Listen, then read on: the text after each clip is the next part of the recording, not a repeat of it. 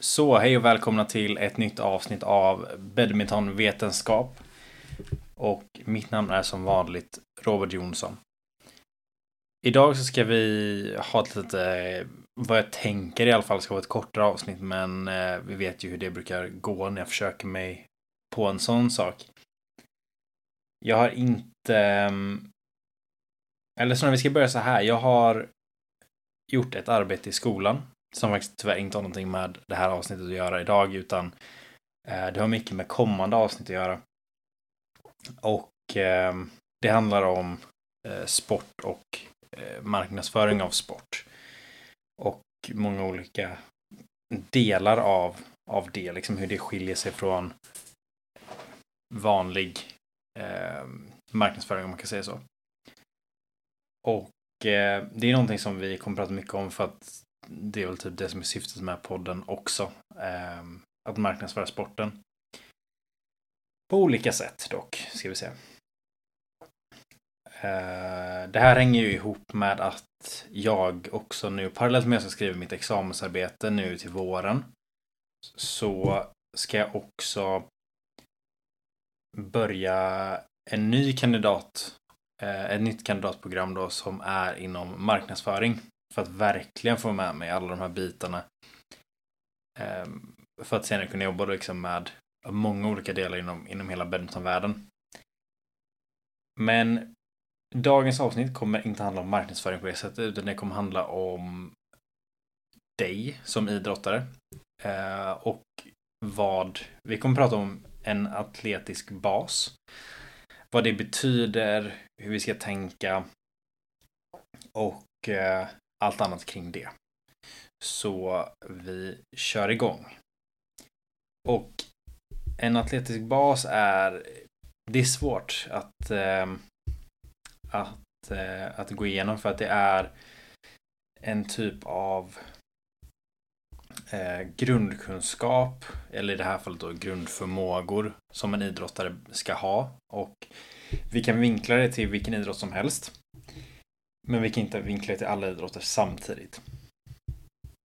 Och i en sån här atletisk bas så måste vi ha med oss de här olika prestationsfaktorerna vi har i, eh, i sporten. Och nu så ska vi rikta det här till badminton för att det finns ingen anledning att inte göra det. Och som jag pratat om många gånger om innan så är det väldigt stor skillnad på singel och dubbel men ni får försöka vara med mig här och, eh, och anpassa er eller vet det, individanpassa det efter er själva. För det är väldigt svårt för mig att göra det här faktiskt.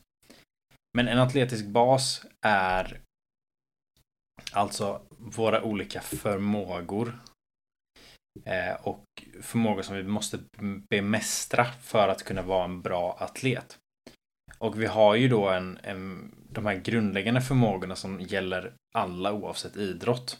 Liksom vi vill se att man kan göra en, en rodd, man kan göra en, en eh, press, vare sig det är bänkpress eller militärpress eller någonting annat. Eh, man ska kunna göra en press, du ska kunna göra en squat. Det kan vara eh, olika varianter av en squat, men någon typ där, hur gör man sina utfallssteg?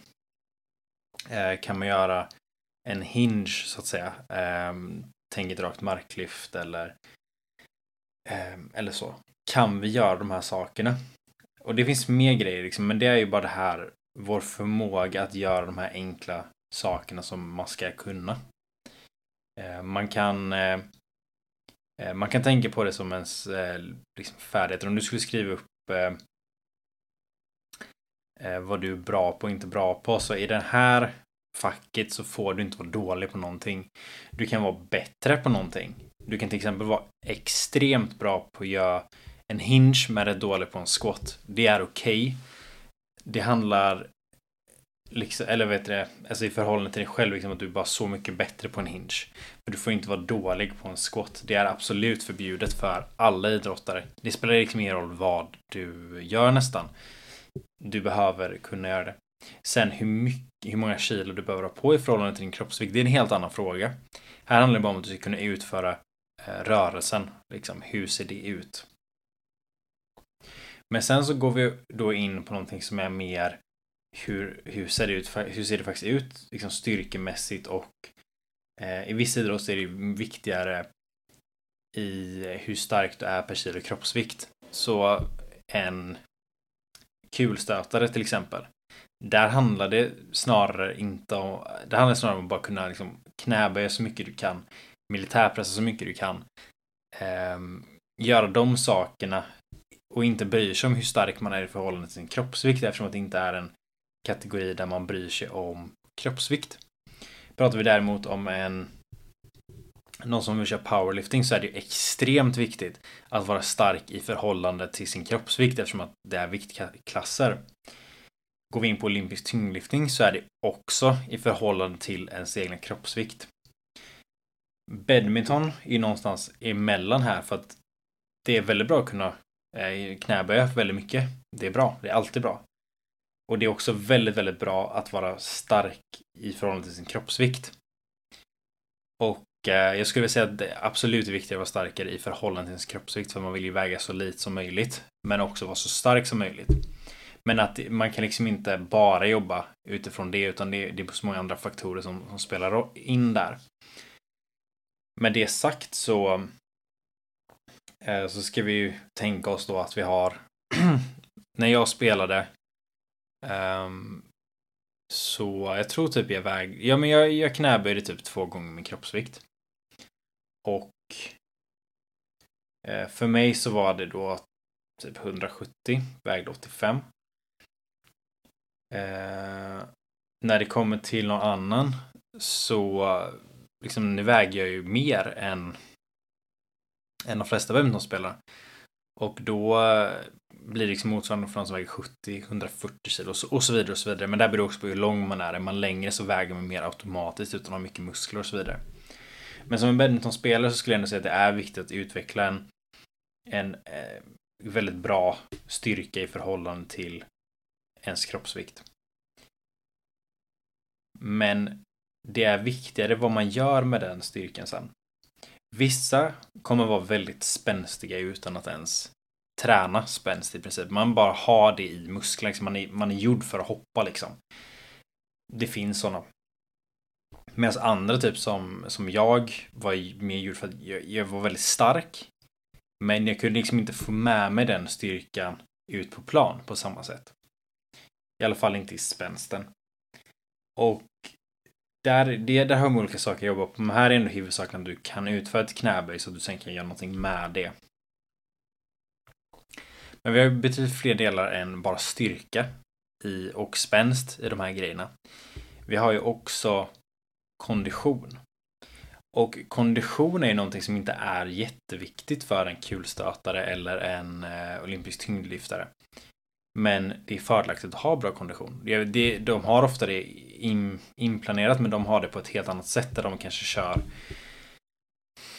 alltså, beroende på del av säsong, men att de har kanske två, två gånger i veckan och de kör väldigt, väldigt hårda, alltså intensiva intervaller där det är maximalt och eh, bara gör minsta möjliga för maximal utdelning för att sådana här extremt tuffa intervaller är ju det snabbaste sättet att förbättra sin eh, syreupptagningsförmåga.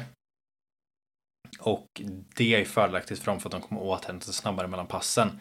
Men det finns inget syfte för dem att gå ut och springa i tre timmar som en maratonlöpare gör. För att de behöver inte ha den typen av, av fysik.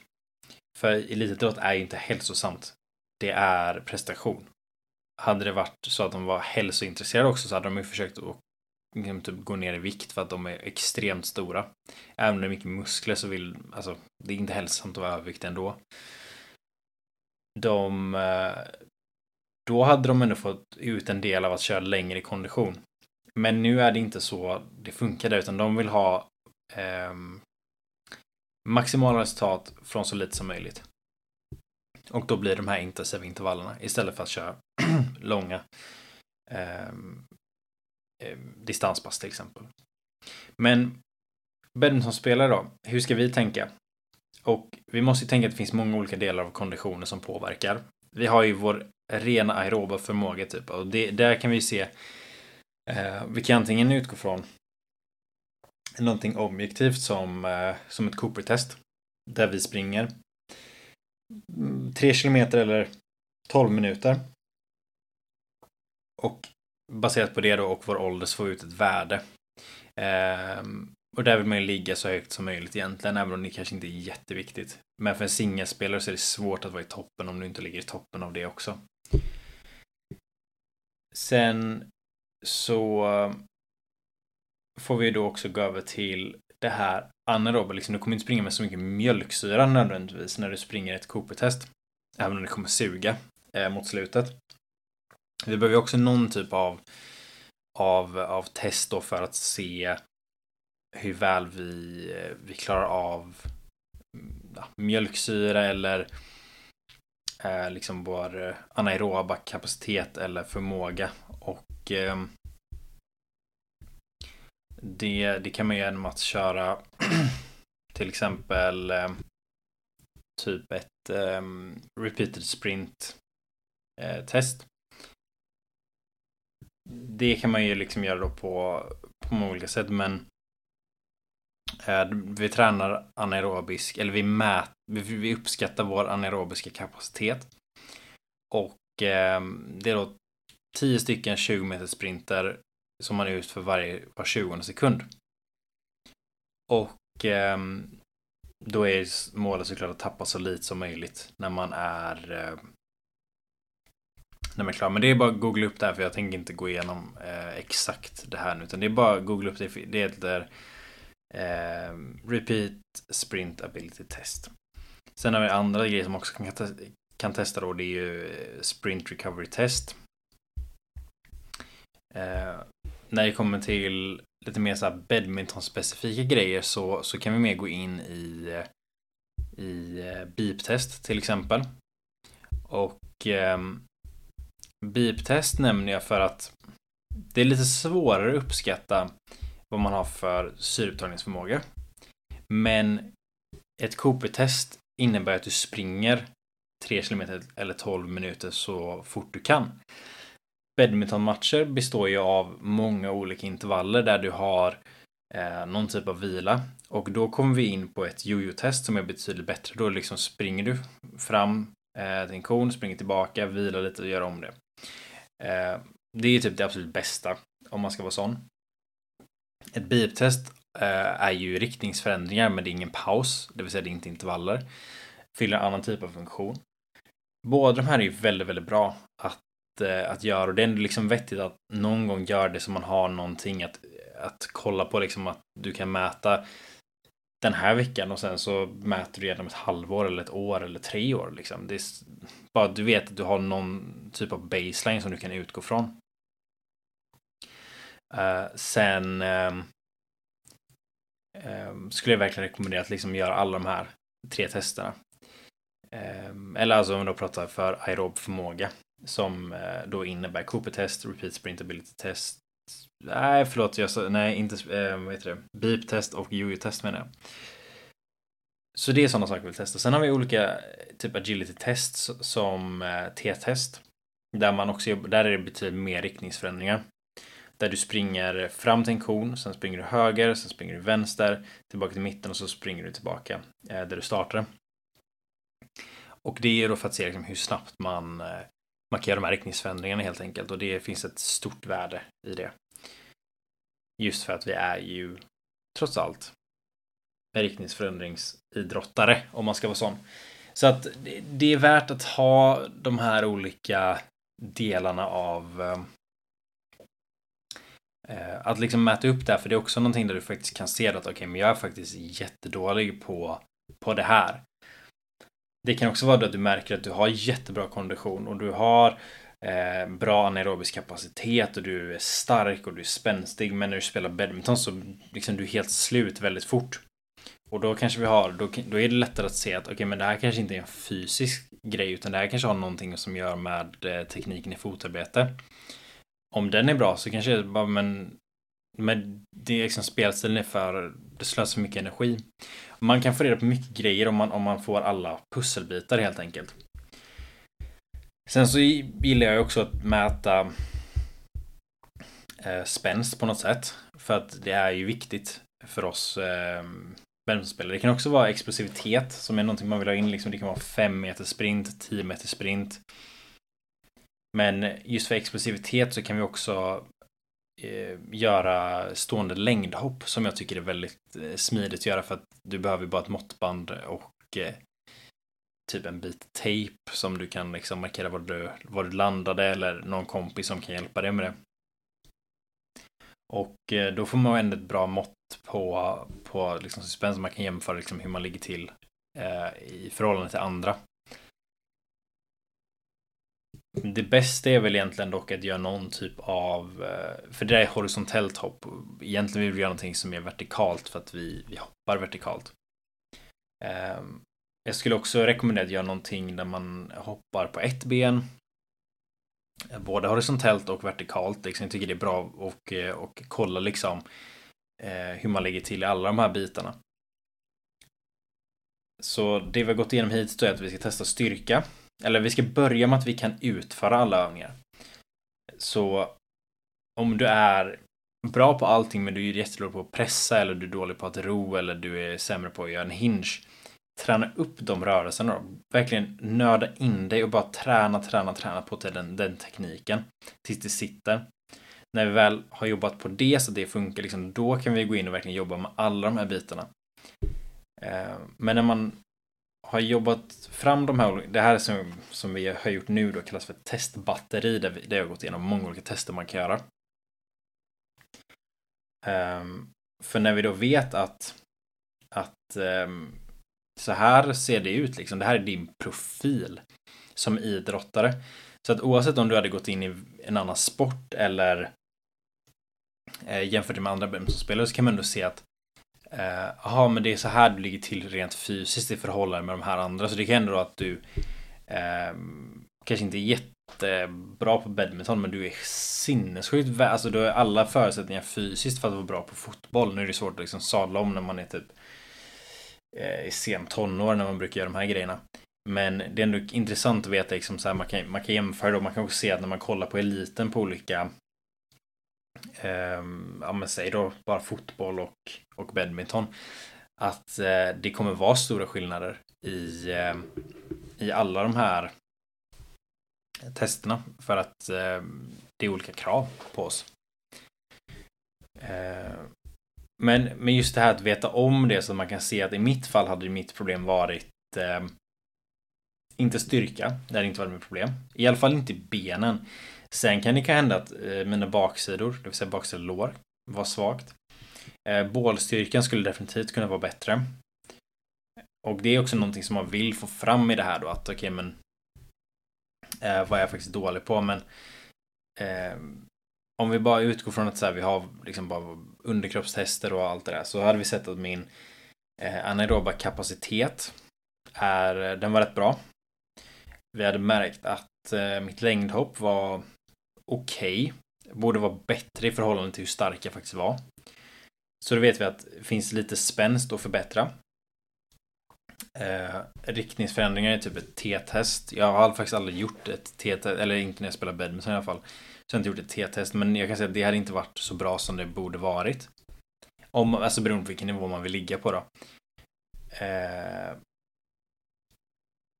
och eh, sen så kan jag ju säga då att det som hade varit värst hade ju varit eh, Cooper-testet med min eh, aeroba förmåga. Och där kan man då se att okej, okay, vi behöver lägga en period nu där jag bygger upp eh, under 8-12 veckor. Eh, där jag bygger upp min aeroba förmåga samtidigt som jag behåller styrka, explosivitet och jag kan också jobba på bålstyrkan vid sidan av. Men där vi då lägger en period då vi försöker bara behålla prestationsnivån eh, i allt annat förutom eh, just Cooper-test. Liksom jag vill förbättra min aeroba förmåga och jag vill förbättra mitt, mitt längdhopp, sa jag väl där. Nej, bålstyrka var det. Bålstyrka var det. Men att där har vi då en, en plan då. Så jag nu som då sitter och skriver träningsprogram. Jag vet att för att jag ska kunna göra ett bra träningsprogram för dig om vi säger att du skulle kontakta mig för att du vill jobba, du vill liksom bli en bättre idrottare, du vill bli bättre på badminton. Då behöver jag veta liksom hur ligger vi till här? Men i många fall kan jag säga att det är eh, för liksom många vill ju bara att man direkt börjar jobba på spänst eller kondition eller liksom bara så här riktigt vidriga liksom kötta på med intervaller i en timme. Eller vet, liksom, de vill liksom bygga det här riktigt sexiga, typ, det riktigt tunga. Sådär. Det är det man vill jobba på, men i många fall så kan jag säga att det är så många som saknar grundläggande rörelser, alltså kontroll över sin kropp, men också att eh, man saknar eh, liksom styrka i många olika delar. Man har liksom inte fokuserat på vissa muskler så man är lite underutvecklad. Eh, så man kan knäböja mycket, du kan hoppa bra. Men vi kan ändå se att, amen, alltså, du är faktiskt inte tillräckligt stark för att liksom hoppa så högt som du gör, så du kommer skada dig om du fortsätter. Eh, eller, men det, man kan inte uttala sig om det så, men vi, man kan se liksom att eh, du har aldrig kört den här övningen, du har aldrig tränat den här muskelgruppen ens. Du har aldrig gymmat till exempel. Och då Eh, då kan man liksom börja märka, okej, okay, men då måste vi börja med en, med en enkel approach där vår eh, atletiska bas blir expanderat till att det inte bara handlar om att kunna göra alla rörelser. Det handlar också om att liksom faktiskt träna alla muskler och ha dem belastade innan vi går vidare till att börja kolla liksom hur du presterar på olika tester. Och eh, som badmintonspelare så är det några viktiga grejer. Som, alltså helheten är ju alltid A och O. Men vare sig man vill eller inte så gör vi alltid många små hopp. Eh, nu pratar jag liksom som att vi är på lite högre nivå, men alltså även lägre nivå så gör man rätt många hopp. Och då har vi eh, muskeln på framsidan av vaden som heter tibialis anterior som kommer dämpa mycket av, av våra landningar. Eh, som vi gärna vill se till vara starka just för att vi också belastar våra vader väldigt mycket. Och då vill vi också kompensera upp det genom att bli starka på framsidan av vaden, liksom i antagonisten. Och eh, eh, vissa är liksom väldigt, man har kört mycket knäböj, man har kört eh, mycket utfallssteg, benpressar och liksom sådana där grejer. Men man har aldrig riktigt tränat baksida lår så mycket som man borde ha gjort. Um, och det är ju någonting som vi definitivt inte vill. Utan man vill ju ha liksom en viss typ av balans. Det kanske inte är att du ska vara lika stark i baksidan som du är i framsidan av låret. Men vi vill inte att du ska vara underutvecklad någonstans. För det kommer inte leda till, till någonting bra. Så det, liksom det är mycket att jobba på där och jag skulle säga att om du nu som eh, lyssnar och liksom vill ha något konkret tips på vad du faktiskt kan göra. Så liksom gör några tester och se hur det eh, ser ut. Är du inte, alltså har du inte tränat på gym någon gång eller har du inte styrketränat så börja med konditionstesterna. Lär dig tekniken ordentligt i alla övningar, alla rörelser. Innan du ens börjar liksom slänga på någon vikt. Det kan vara okej om du har gymmat ett tag, du kan inte köra knäböj med skivstång, men eh, du har kört benpress. Testa benpress och sen försök lära dig tekniken i knäböj parallellt med det så att du sen kan göra ett test i knäböj.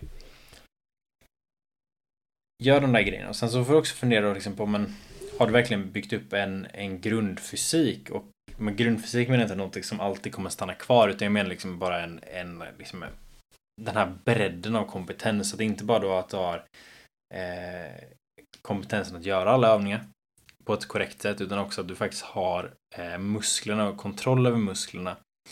Eh, och att du har liksom stimulerat dem så pass länge att du vet hur, hur, de, hur, hur de ska arbeta. Och inom badmintonvärlden så handlar det mycket om att eh, gör vissa övningar som ser lite skumma ut. Just för att eh, liksom en knäböj är betydligt mer kontrollerat än en landning från alltså så maximal, maximalt hopp i hög fart, landning, eh, full sprint till att göra ett liksom, totalstopp på ett ben i ett utfallssteg då framöver nät till exempel. Det är väldigt okontrollerade grejer Eh, jämfört med en knäböj där liksom visst du har saker som påverkar men det är inte alls på samma sätt. Och då är det viktigt att, att vi verkligen har byggt upp det här, liksom ge det tid. Eh, är du helt, helt ny i vare sig kondition eller eh, styrketräning eller både och. Liksom, vi har också rörlighet som är en del av den atletiska basen. Det ska vi inte glömma bort, även om jag glömde nämna det nu. Jag har säkert glömt fler grejer. Men att, eh, att vara medveten om det och att faktiskt jobba på det. Men ja, hur som helst, om, om vi då är nya på någonting så måste vi ge oss tid att bli bra på det. Och eh, det, får, det gör man bara genom att, att träna kontinuerligt under en lång period. Liksom, det finns ingen genväg. Utan eh, det handlar om att ha ett bra träningsprogram där man eh, successivt stärker upp sina muskler, leder, senor, skelett liksom. Ehm, just för att inte skada sig på sikt. Så ehm, det här var väl liksom lite då om det här med atletisk bas och eh, jag skulle verkligen rekommendera dig till att liksom fundera själv då över hur om du bara skulle gå in och eh, liksom spela sport eh, säg fotboll, handboll eh, jag försöker komma på något annat. En eh, tiokampare i friidrott till exempel. Om du hade gått in liksom i en sån typ tävlingsgren. Vad säger du där? Alla kategorier i tiokamp eller fotboll, handboll. Sådär. Bortsett från att du inte hade haft tekniken i det. Hade du varit okej okay på det rent fysiskt? Hur hade det sett ut? Hade du liksom kunnat gå in och säga, men jag är relativt atletisk i grunden, bara att det är extremt riktat mot badminton. För det är där vi måste vara. Vi måste till att liksom kunna vara bra fysiskt förberedda på alla idrotter för att sen kunna rikta det specifikt mot badminton. Vi kan inte fuska oss igenom den biten. Vi måste, måste, måste jobba på det. Och eh, det är väl typ där som egentligen crossfit är rätt bra. Just för att försvann min röst, jag får ta och dricka lite vatten här. Just att de vill vara förberedda på allting.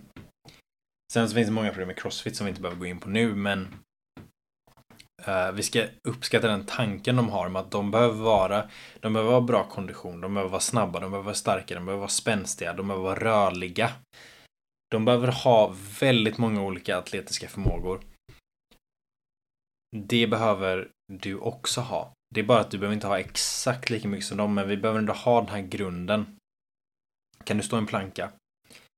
Eh, kan du stå där liksom i, i alla fall en minut? Hur ser det ut med sidoplanka? Är du lika stark där? Förmodligen inte för att du är som spelare. Du kommer starkare på motsatt sida som du liksom håller racket i. Um, kan du göra en knäböj? Japp. Kan du belasta med en knäböj? Nej, okej, okay, ja, men då behöver vi jobba på det. Jobba, alltså verkligen få, få in de här grejerna bli starkare successivt. Liksom, är du helt ny så kommer det gå fort att öka. Men ge dig själv sex månader av att, liksom att eh, börja med höga repetitioner. Kanske till och med att du inte ens eh, liksom, du kör bara isometriskt. Det vill säga att du du liksom sitter jägarvila i en minut tre gånger på ett pass. Bara för att liksom skonsamt stärka upp saker och ting. Och sen efter en vecka med det eller två veckor så går det över till att göra eh, Alltså, jag vet inte, 20 stycken med kroppsvikt och sen så eh, kör du någon benpress efter det med lite högre repetitioner. Sen så liksom går du upp i vikt och lite ner repetitioner. Tills du når punkten där bara, men jag känner mig ändå så här, jag har sträckt upp musklerna nu. Jag vet liksom hur man kontrollerat pressa någonting med benen. Jag kan nu testa på med skivstång, bara skivstången. Ingenting mer än det.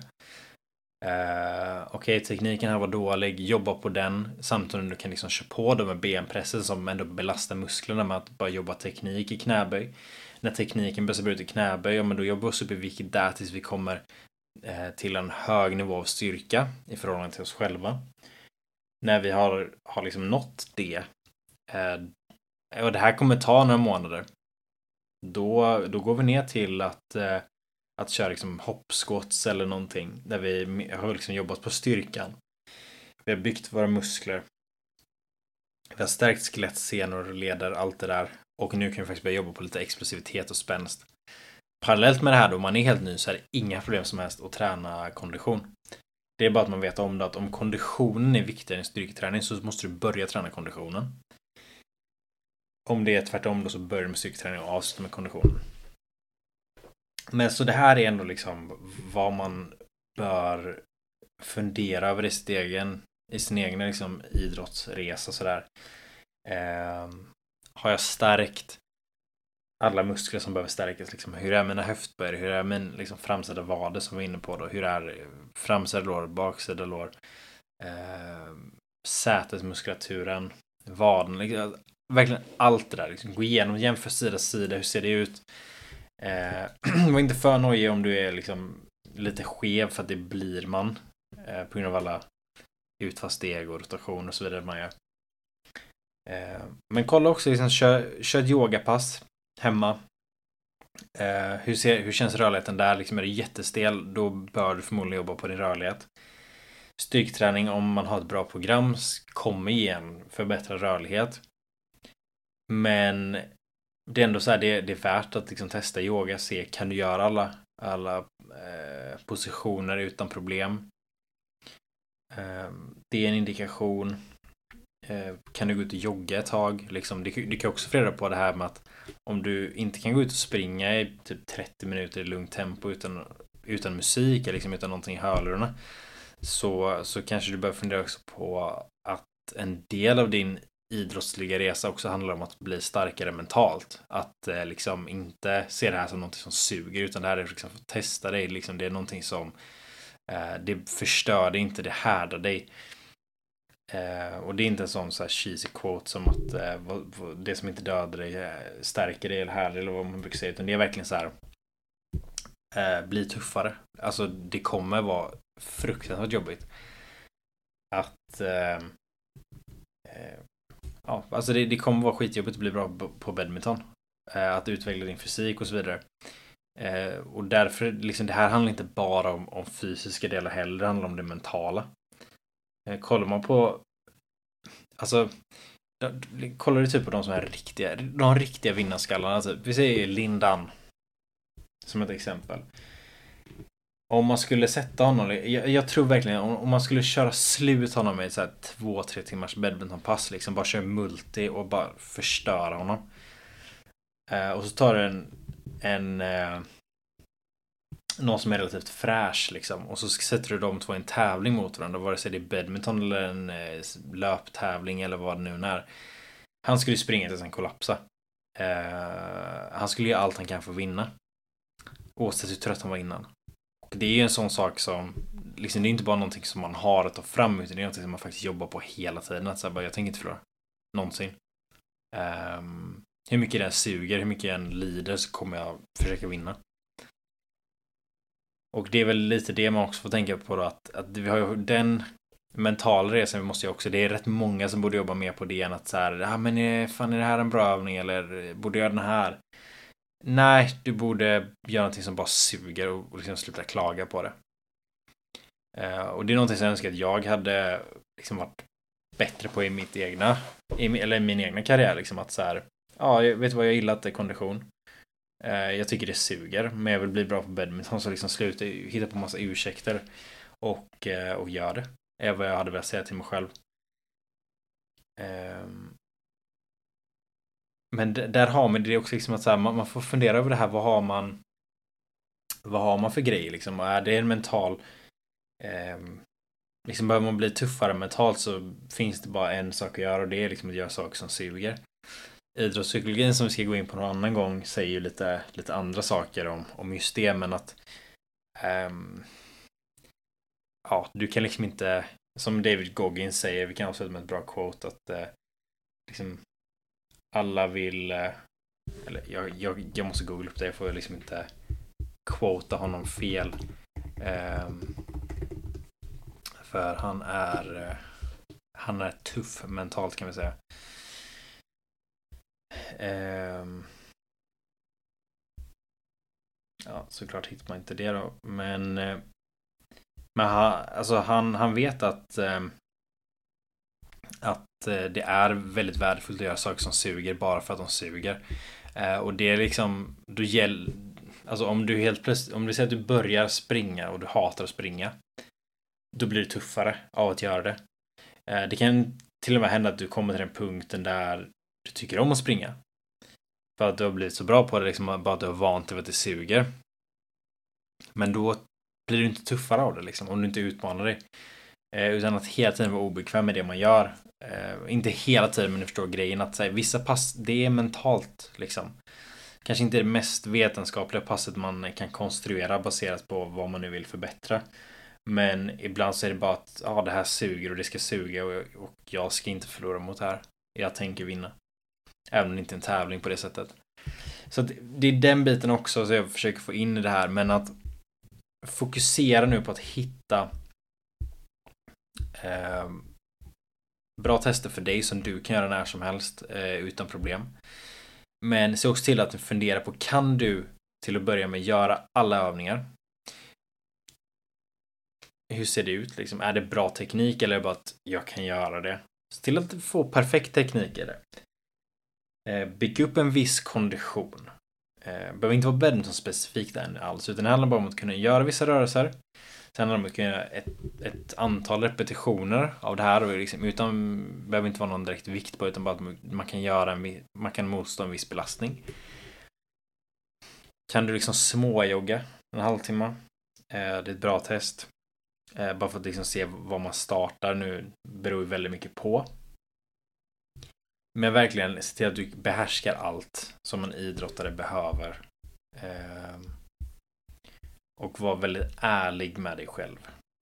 I hur, eh, hur du faktiskt är som idrottare, liksom, om du skulle gå in i en annan sport. Och med det sagt så, så får jag nog tacka för mig idag. Ett annorlunda avsnitt men det känns som att eh, jag borde egentligen gjort det här för länge sedan, men eh, liksom lite grundläggande kunskap om hur man kan tänka på en eh, atletisk bas. Så tack för mig för tillfället. Jag kommer väl, ja, vill ni veta mer om specifikt hur man tränar kondition och eh, och eh, vad heter det?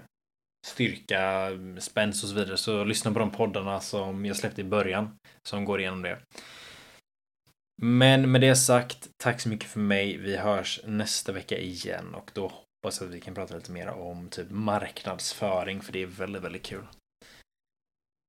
Men ha det så bra så länge. Tack och hej.